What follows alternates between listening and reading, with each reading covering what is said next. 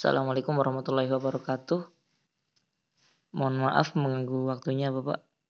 Saya Saiful Huda, mahasiswa semester 5 jurusan Sejarah dan Peradaban Islam, Fakultas Adab dan Humaniora, Win Syarif Hidayatullah, Jakarta. Yang mana kedatangan saya ke rumah Bapak Ahmad Tohari yang pertama adalah tujuannya untuk bersilaturahmi. Yang kedua, kami dari mahasiswa UIN Syarif Hidayatullah Jakarta khususnya prodi Sejarah dan Peradaban Islam ada penugasan terkait dengan mata kuliah sejarah lisan. Untuk itu kami ingin mewawancarai Bapak dan kami mohon Bapak sebagai narasumber kami dalam penugasan ini yang mana kami beri judul dan tema besarnya yaitu Ronggeng dan Politik di Banyumas pada tahun 1960 sampai 1970. Dan kami mohon kesediaan Bapak untuk menjadi narasumber serta bagaimana tanggapan umum e, dari Bapak Ahmad Tohari terkait hal tersebut. Pada saat itu Indonesia di bawah pemerintahan Bung Karno. Dan Bung Karno itu orang yang menolak masuknya modal asing ke Indonesia dan suka memilih politik ekonomi berdikari.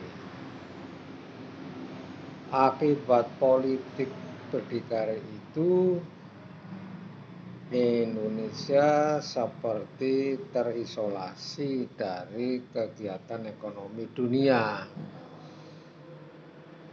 Akibat langsungnya adalah kemiskinan yang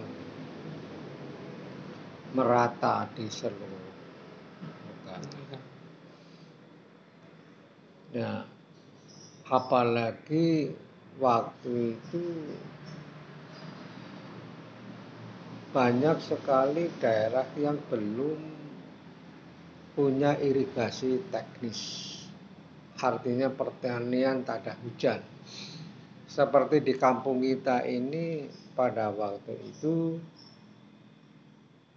petani hanya panen satu kali setahun. Hmm, itu pun kalau tidak ada ledakan hama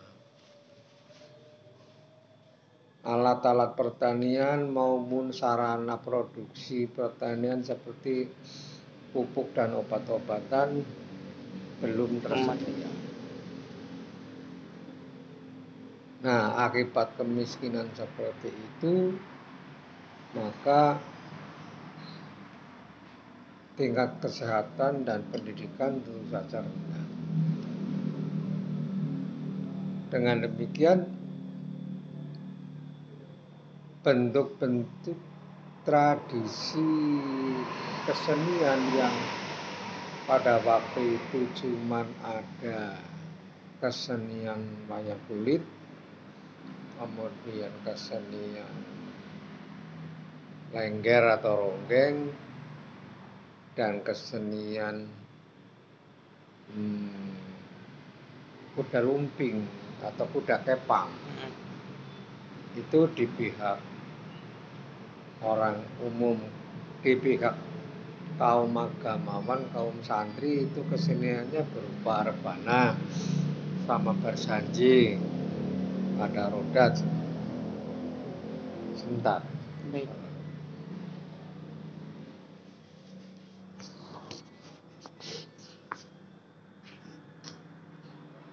nah itu lalu pada tahun-tahun itu Partai Komunis Indonesia sangat aktif bergerak mencari pengaruh di daerah-daerah. Dengan situasi masyarakat yang miskin mereka banyak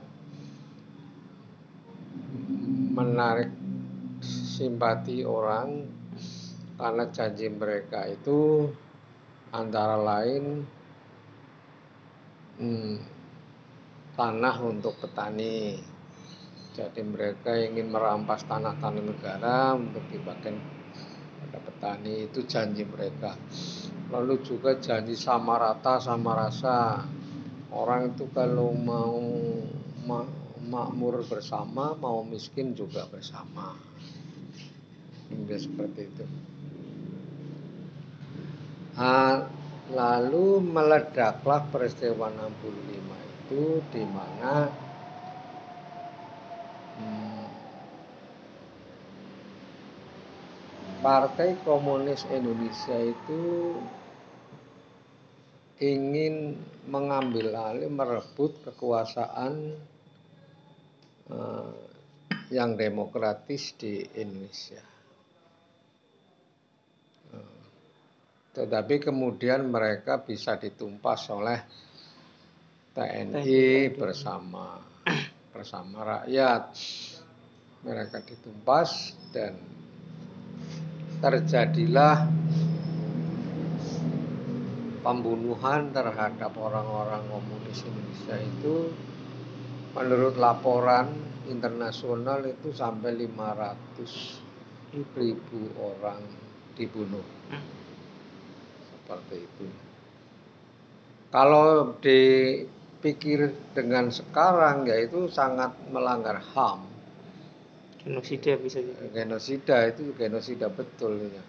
Tapi waktu itu ya terjadi dan nyatanya Amerika yang katanya pembela HAM juga diam saja. tidak tidak mencegah militer Indonesia membunuhi begitu banyak orang komunis.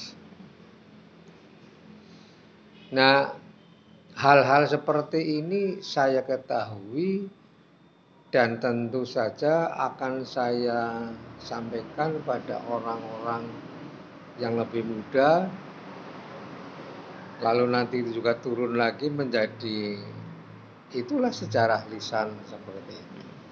Bukan hanya tentang komunis tapi tentang gerakan kemerdekaan di sekitar sini di mana para pejuang pemuda pejuang itu bertempur melawan kenil.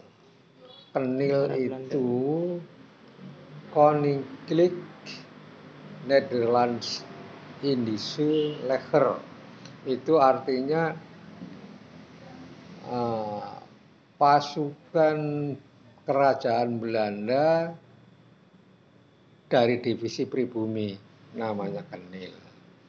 Nah, di sini para pejuang melawan benda itu tapi bisa hanya bisa dilakukan secara gerilya karena jelas para pejuang itu sangat sangat sedikit senjatanya. Nah, mereka dapat senjata dari eh, sisa-sisa senapan Jepang yang ditinggal.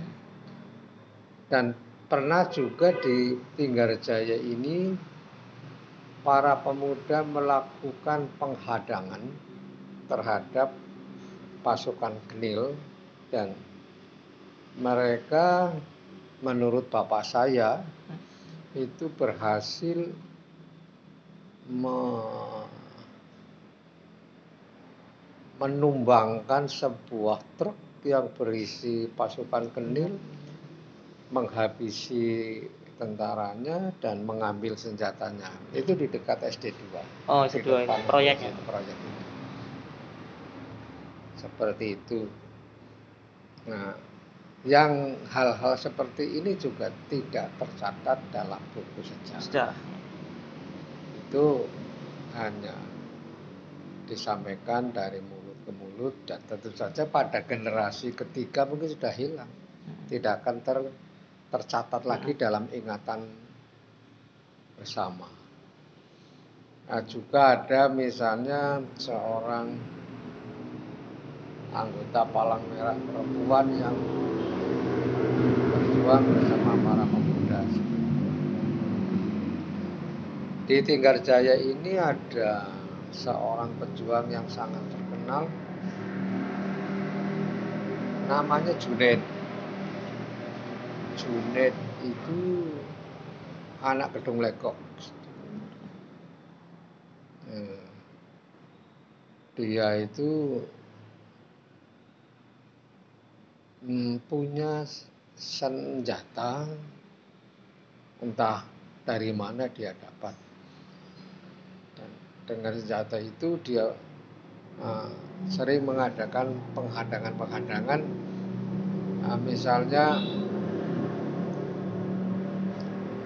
uh, pakai taktik begini pos polisi Jatilawang itu diserang pagi-pagi diserang jam 4 pagi nah sebetulnya itu serangan itu antara untuk mengundang pasukan kenil yang bermarkas lebih besar di Wangon. Hmm. Dan ketika kenil dari Wangon itu lewat jalan ini, nah yeah. itu iya. dihadang. Jadi banyak sekali peristiwa-peristiwa sejarah yang ah, tercecer pada ingatan warga yang tentu saja pada generasi ketiga mungkin sudah lenyap lagi. Karena tak tertuang, tak tertuang dalam pena ya Pak Tentu. Ya, tidak tertuang dalam sejarah. Ada catatan sedikit yang ditulis oleh bekas Bupati Banyumas uh, Pujadi Jaring Banda Yuda karena dia gerilya itu kalau tidak salah judulnya Banyumas Pembara. Coba dicari. Nah, Banyumas Pembara mungkin perlu apa nulisnya bukan Pak Bujati, tapi dia tentang Pak Bujati. Masa agresi militer ya, Pak? Iya. Ada di situ. Bisa gak ada? Ini PDF-nya belum tersedia, cuman ada beberapa uh, apa namanya reviewnya. Oh gitu. Uh, review bukan. Baik pak, uh, untuk pertanyaan berikutnya, Bapak ini kan masyhur sebagai penulis novel Ronggeng Duku Paruk atau uh, yang bisa disingkat RDP dan dikenal kontroversial pada zamannya waktu itu. Bahkan hmm. sempat ditangkap mungkin ya pak oleh tentara hmm. itu. Dan apa sih yang melatar belakangi Bapak menulis novel tersebut sehingga bisa dikatakan sebagai novel yang kontroversial waktu itu. Ya, novel ini berujung pada pada pembahasan singkat tentang PKI. Tetapi saya narasikan sebagai cerita seorang ronggeng atau lengger yang di diklaim itu diatur, di, dirangkul ya, dirangkul oleh lembaga kesenian milik Partai Komunis Indonesia yang namanya Lekra. Nah, si Lengger ini karena dianggap termasuk bagian dari lekra yang komunis, maka dia itu harus mengalami penahanan oleh pemerintah. Pada waktu itu orang-orang yang ditahan itu banyak yang dibunuh, ditembak mati. Tetapi saya belum melihat, belum mendengar ada tahanan perempuan yang ditembak mati kebanyakannya ditembak mati itu laki-laki. Nah, karena karena itulah maka pemerintah agak agak curiga terhadap saya.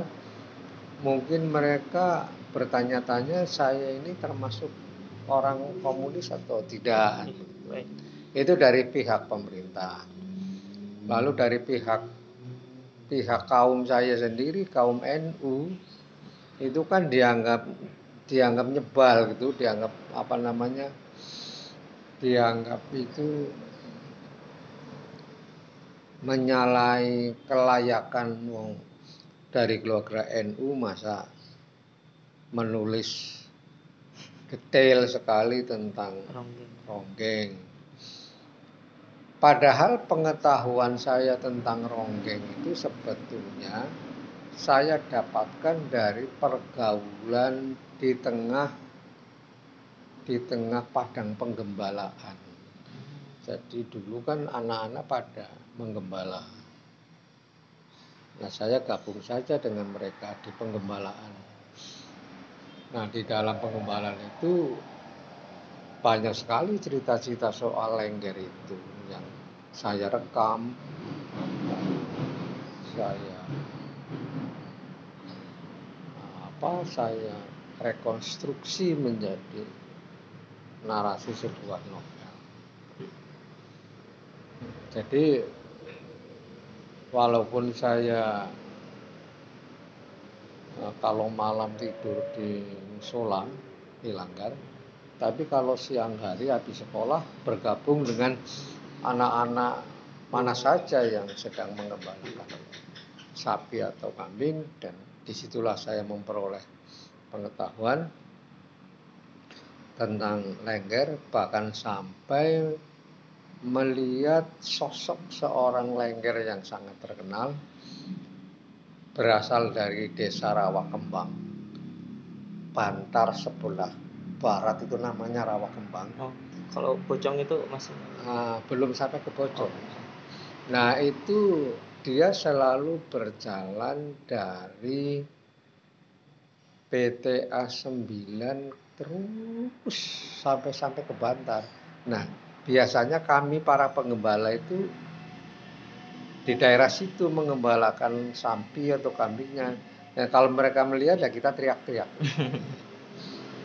Karena di antara kita kan ada yang dewasa. Jadi saya melihat sosok nyata seorang. Oh, Baik, Pak. Terus pertanyaan berikutnya, mengapa kehidupan ronggeng menjadi objek yang paling dominan dalam novel tersebut gitu? Dan yang paling saya spesifik lagi pertanyaannya adalah mengapa harus ronggeng gitu yang Bapak pilih sebagai objek dominan di situ? Ya, karena sebetulnya itu berangkat dari peristiwa nyata di mana seorang lengger harus ditahan oleh pemerintah. Padahal menurut saya itu apa namanya penyiksaan penyiksaan yang luar biasa ketika dia ditahan, dia tidak bisa mencari makan, dia terputus dari keluarganya. Bahkan saya dengar mereka diperlakukan secara tidak senonoh selama menjadi tahanan.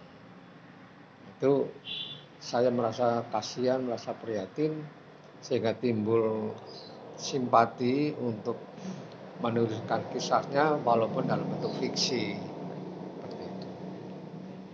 Eh, dan pertanyaan berikutnya, dari mana ronggeng berasal? Itu aslinya ronggeng itu memang dari Banyumas atau dari daerah lain? Pak?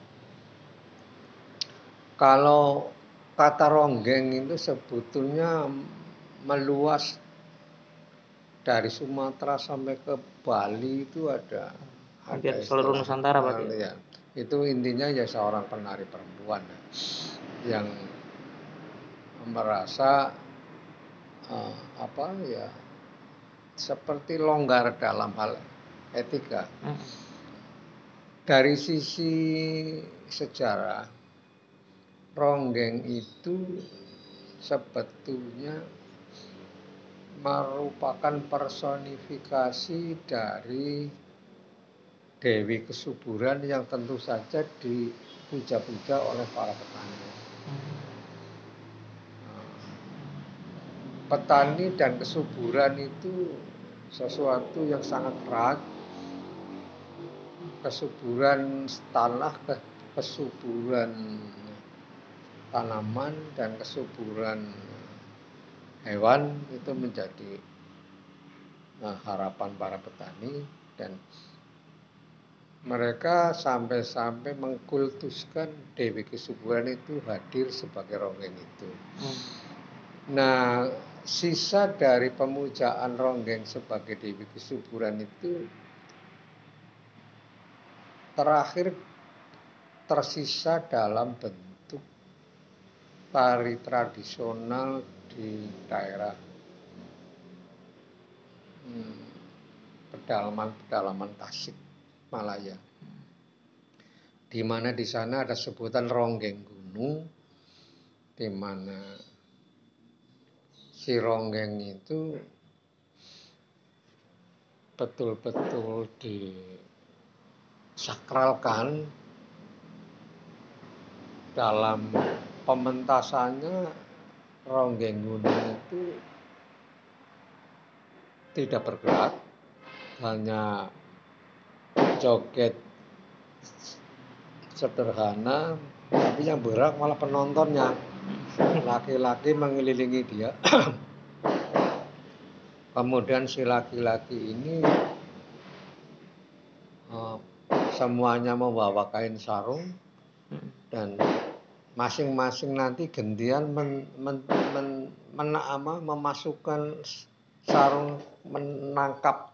Rongnya dengan sarung itu dan di situ pasti terjadi bangsa perciuman dan sebagainya. Erotisisme. Erotisme terjadi di situ, tapi itu sakral. Oh. Sakral karena mereka menganggap yang yang mereka cekrep pakai sarung itu seorang dewi, bukan seorang manusia. Manusia.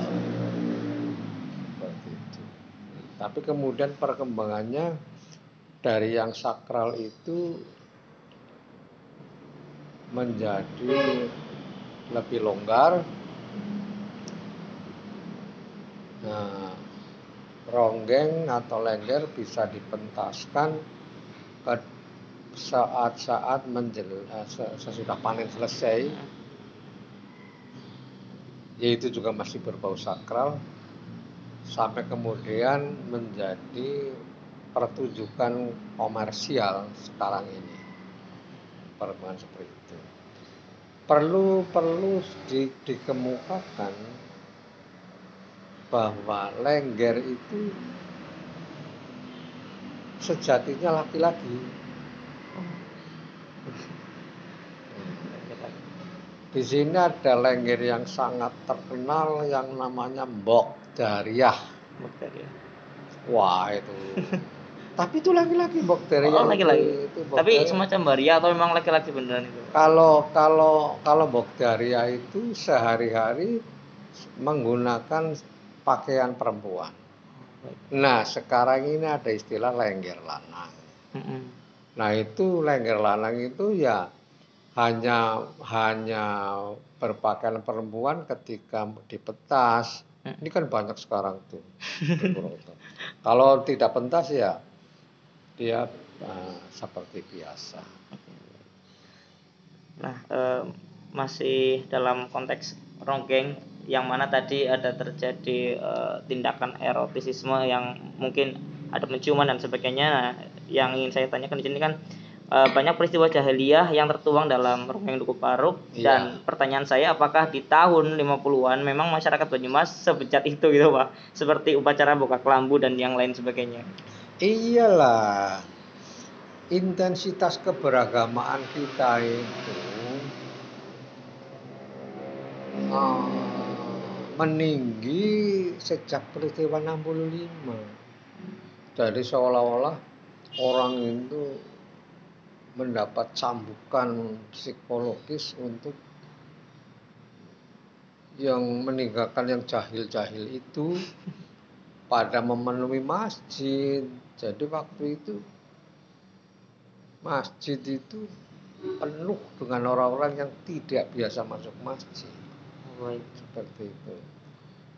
Nah, bahkan di situ itu lalu ada musola dibangun untuk memenuhi itu dan sekarang malah banyak musolanya di situ. Yeah. Dulunya itu abangan banget di situ. Yeah. Nah, sekarang ya sudah berubah seperti itu. Nah, kalau membaca novel Ronggeng Tugu Paruk itu tidak boleh sepotong-sepotong. Harus selesai. Harus selesai. Karena di sini ada perjalanan rohani seorang ronggeng dari zaman jahiliyah menuju zaman yang terang. Minatul umat. Minatul umati ilan nur itu jadi di awalnya itu saya sengaja membuat kontras yang yang yang betul-betul kontras yang sangat jahil. Karena ada lelang kegadisan.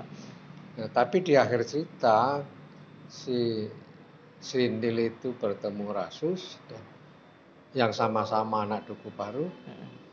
Lalu mereka akhirnya menemukan kehidupan yang terang.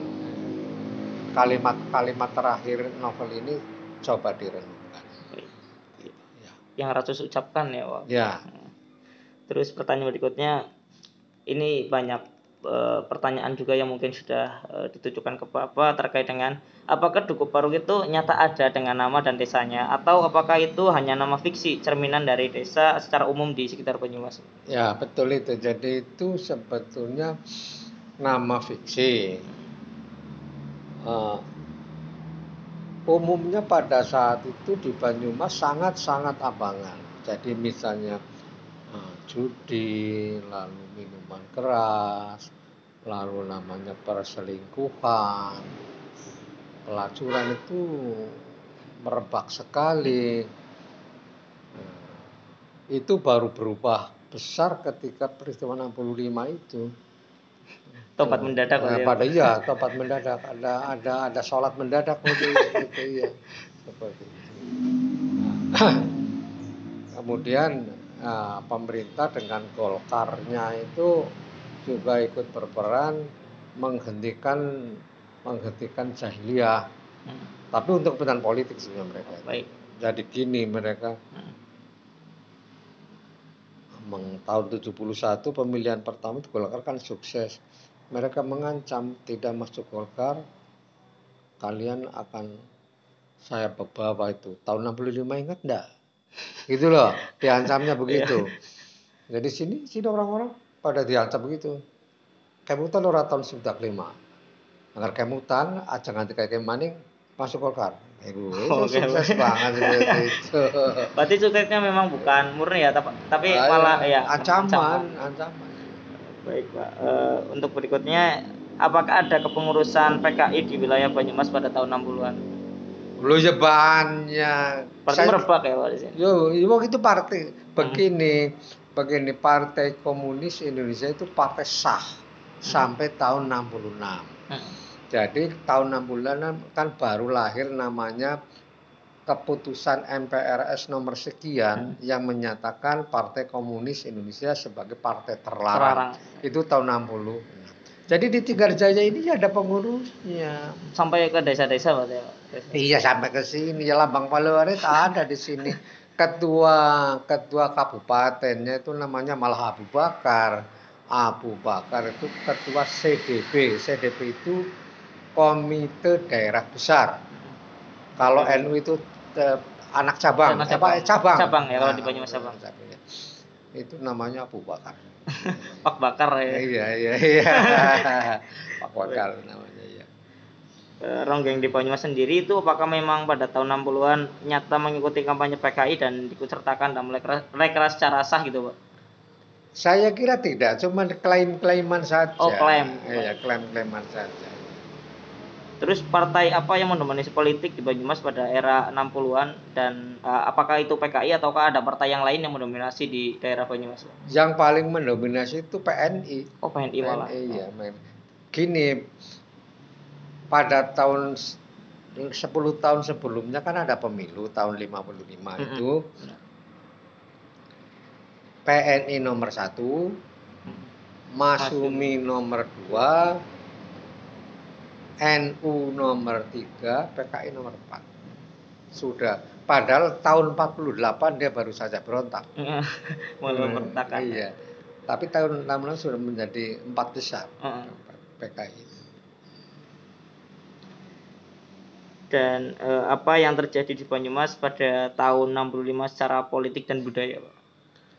Ya, secara politik terjadi ke, ke kemandekan politik karena semua orang takut berpolitik. Hmm. Uh, secara budaya juga kebudayaan-kebudayaan yang dulu sering diklaim oleh Golkar itu seperti mati suri. Misalnya ebek, lengger, uh, apa itu tidak berani muncul. Baru muncul kembali setelah tahun 71 hmm. karena di, dimanfaatkan oleh Golkar. Baik. Ada pemanfaatan politik di iya. partai itu. Baik. Oh, pertanyaan berikutnya ini mungkin udah eh, apa namanya sedikit sensitif dan yang yang mana saya akan saya tanyakan yaitu terkait dengan dalam peristiwa yang dikatakan sebagai G30 SPKI itu apakah Bapak melihat apakah Bapak melihat sendiri e, pembantaian terhadap orang PKI dan yang terduga PKI dan bagaimana tanggapan Bapak mengenai peristiwa tersebut? Ya. Saya dibuat trauma berat karena ikut menyaksikan pembunuhan atau eksekusi terhadap seorang yang dikatakan PKI itu sangat tidak manusiawi. Tahanan itu diambil dari kantor polisi Jatilawang, dibawa ke Balai Desa Tinggarjaya, lalu dari Balai Desa Tinggarjaya diarak menuju kuburan Cipati situ dan di situ ditembak di depan. Oh berarti kejadian penembakan dan pembantaian itu terjadi di sekitar makom itu? Iya dia. Nah itu yang pertama, yang kedua tentara membawa seorang dua orang tahanan dua orang yang dituduh PKI dari Karangtujuh lalu dibawa ke Tinggarjaya diserahkan kepada seorang pensiunan tentara di Tinggarjaya dan tahanan itu dibawa ke kuburan sana Dengok itu oh, okay. dan itu ditembak di sana oleh orang yang dulu juga menembak di situ hmm. itu juga saya menyaksikannya Nah, waktu itu saya sudah berontak dalam jiwa saya. Tidak patut kita melakukan ini semua. Begitu. Itulah juga yang menyebabkan menginspirasi saya begitu intens menulis Rounding eh, Walaupun tidak secara langsung saya mengutuk pemerintah, tetapi sebetulnya saya menyatakan simpati terhadap mereka yang dibunuh tanpa pengadilan. Tanpa pengadilan. Berarti memang tanpa melalui proses pengadilan. Sama sekali tidak. Langsung difonis waktu ya Pak. Dan menurut Bapak siapa yang bertanggung jawab atas pembantaian orang-orang yang terduga PKI tersebut? Ya Pak Harto sama Amerika lah. Kenapa Amerika itu? dalam posisi bisa mencegah Pak Harto, kenapa diam saja? Oke, baik. Itu. Rupanya begini, ini dugaan saya. Baik, Pak. Amerika kan memang kapitalis terbesar. Hmm. Boleh jadi mereka sudah lama membuat menginginkan Indonesia menjadi menjadi pasar modalnya mereka. Dan lebih khusus lagi, mereka itu kan sudah mengincar Freeport. Freeport itu tahun 1938 ditemukannya. Berarti masih dalam Sama, masyarakat iya, kolonial. Iya, iya. Nah, kalau di Indonesia tidak bersih dari orang komunis, maka modal dari Amerika, Eropa dan sebagainya itu akan mendapat hambatan. Ada halangan. Uh, jadi supaya aman habisi dulu mereka gitu. Nah, dan kebetulan Pak Harto mau aja disuruh tuh, melakukan mereka. Maka Pak Harto itu mengucapkan uh, habiskan PKI sampai ke akar-akarnya. Itu ucapan Pak Harto. Luar biasa sekali. Nah, tapi yang membingungkan di sini yaitu apakah agamawan dan ormas Islam di Banyumas sendiri itu turut serta mendukung pembantaian atau malah sebaliknya Pak? Malah justru mengecam terhadap pembunuhan itu? Tidak ada yang mengecam. Tidak ada yang, tidak yang mengecam. Nah, agamawan itu sudah diikat dalam eh, oleh Bung Karno itu bersatu menjadi nasakom hmm Nasakom itu nasionalis yang diwakili oleh PNI, agama yang diwakili oleh NU dan komunis yang oleh PKI seperti itu. Ketika terjadi pembantuan pembantuan ini uh, tidak ada yang tidak ada yang menghentikan, malah mendukung. Jadi pemuda Ansor, pemuda Muhammadiyah, pemuda PNI, ikut turut serta berarti ya walaupun tidak yang melakukan eksekusi itulah tentara. Mm -hmm. tapi mereka ikut me, mencari-cari orang yang mereka katakan PKI baik.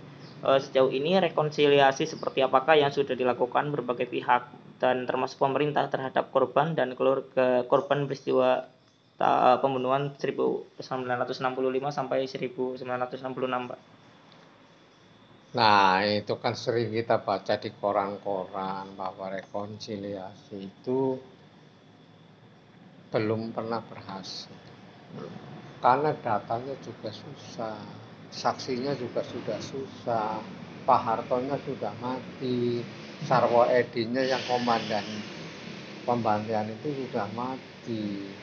Dan biasanya keturunan mereka itu tinggal cucunya tinggal tingkat cucu sekarang. Dan itu sudah apa ya karena cuma mendengar jadi hmm. kurang kurang konkret lah ya konkret ya jadi saya kira belum ada rekonsiliasi.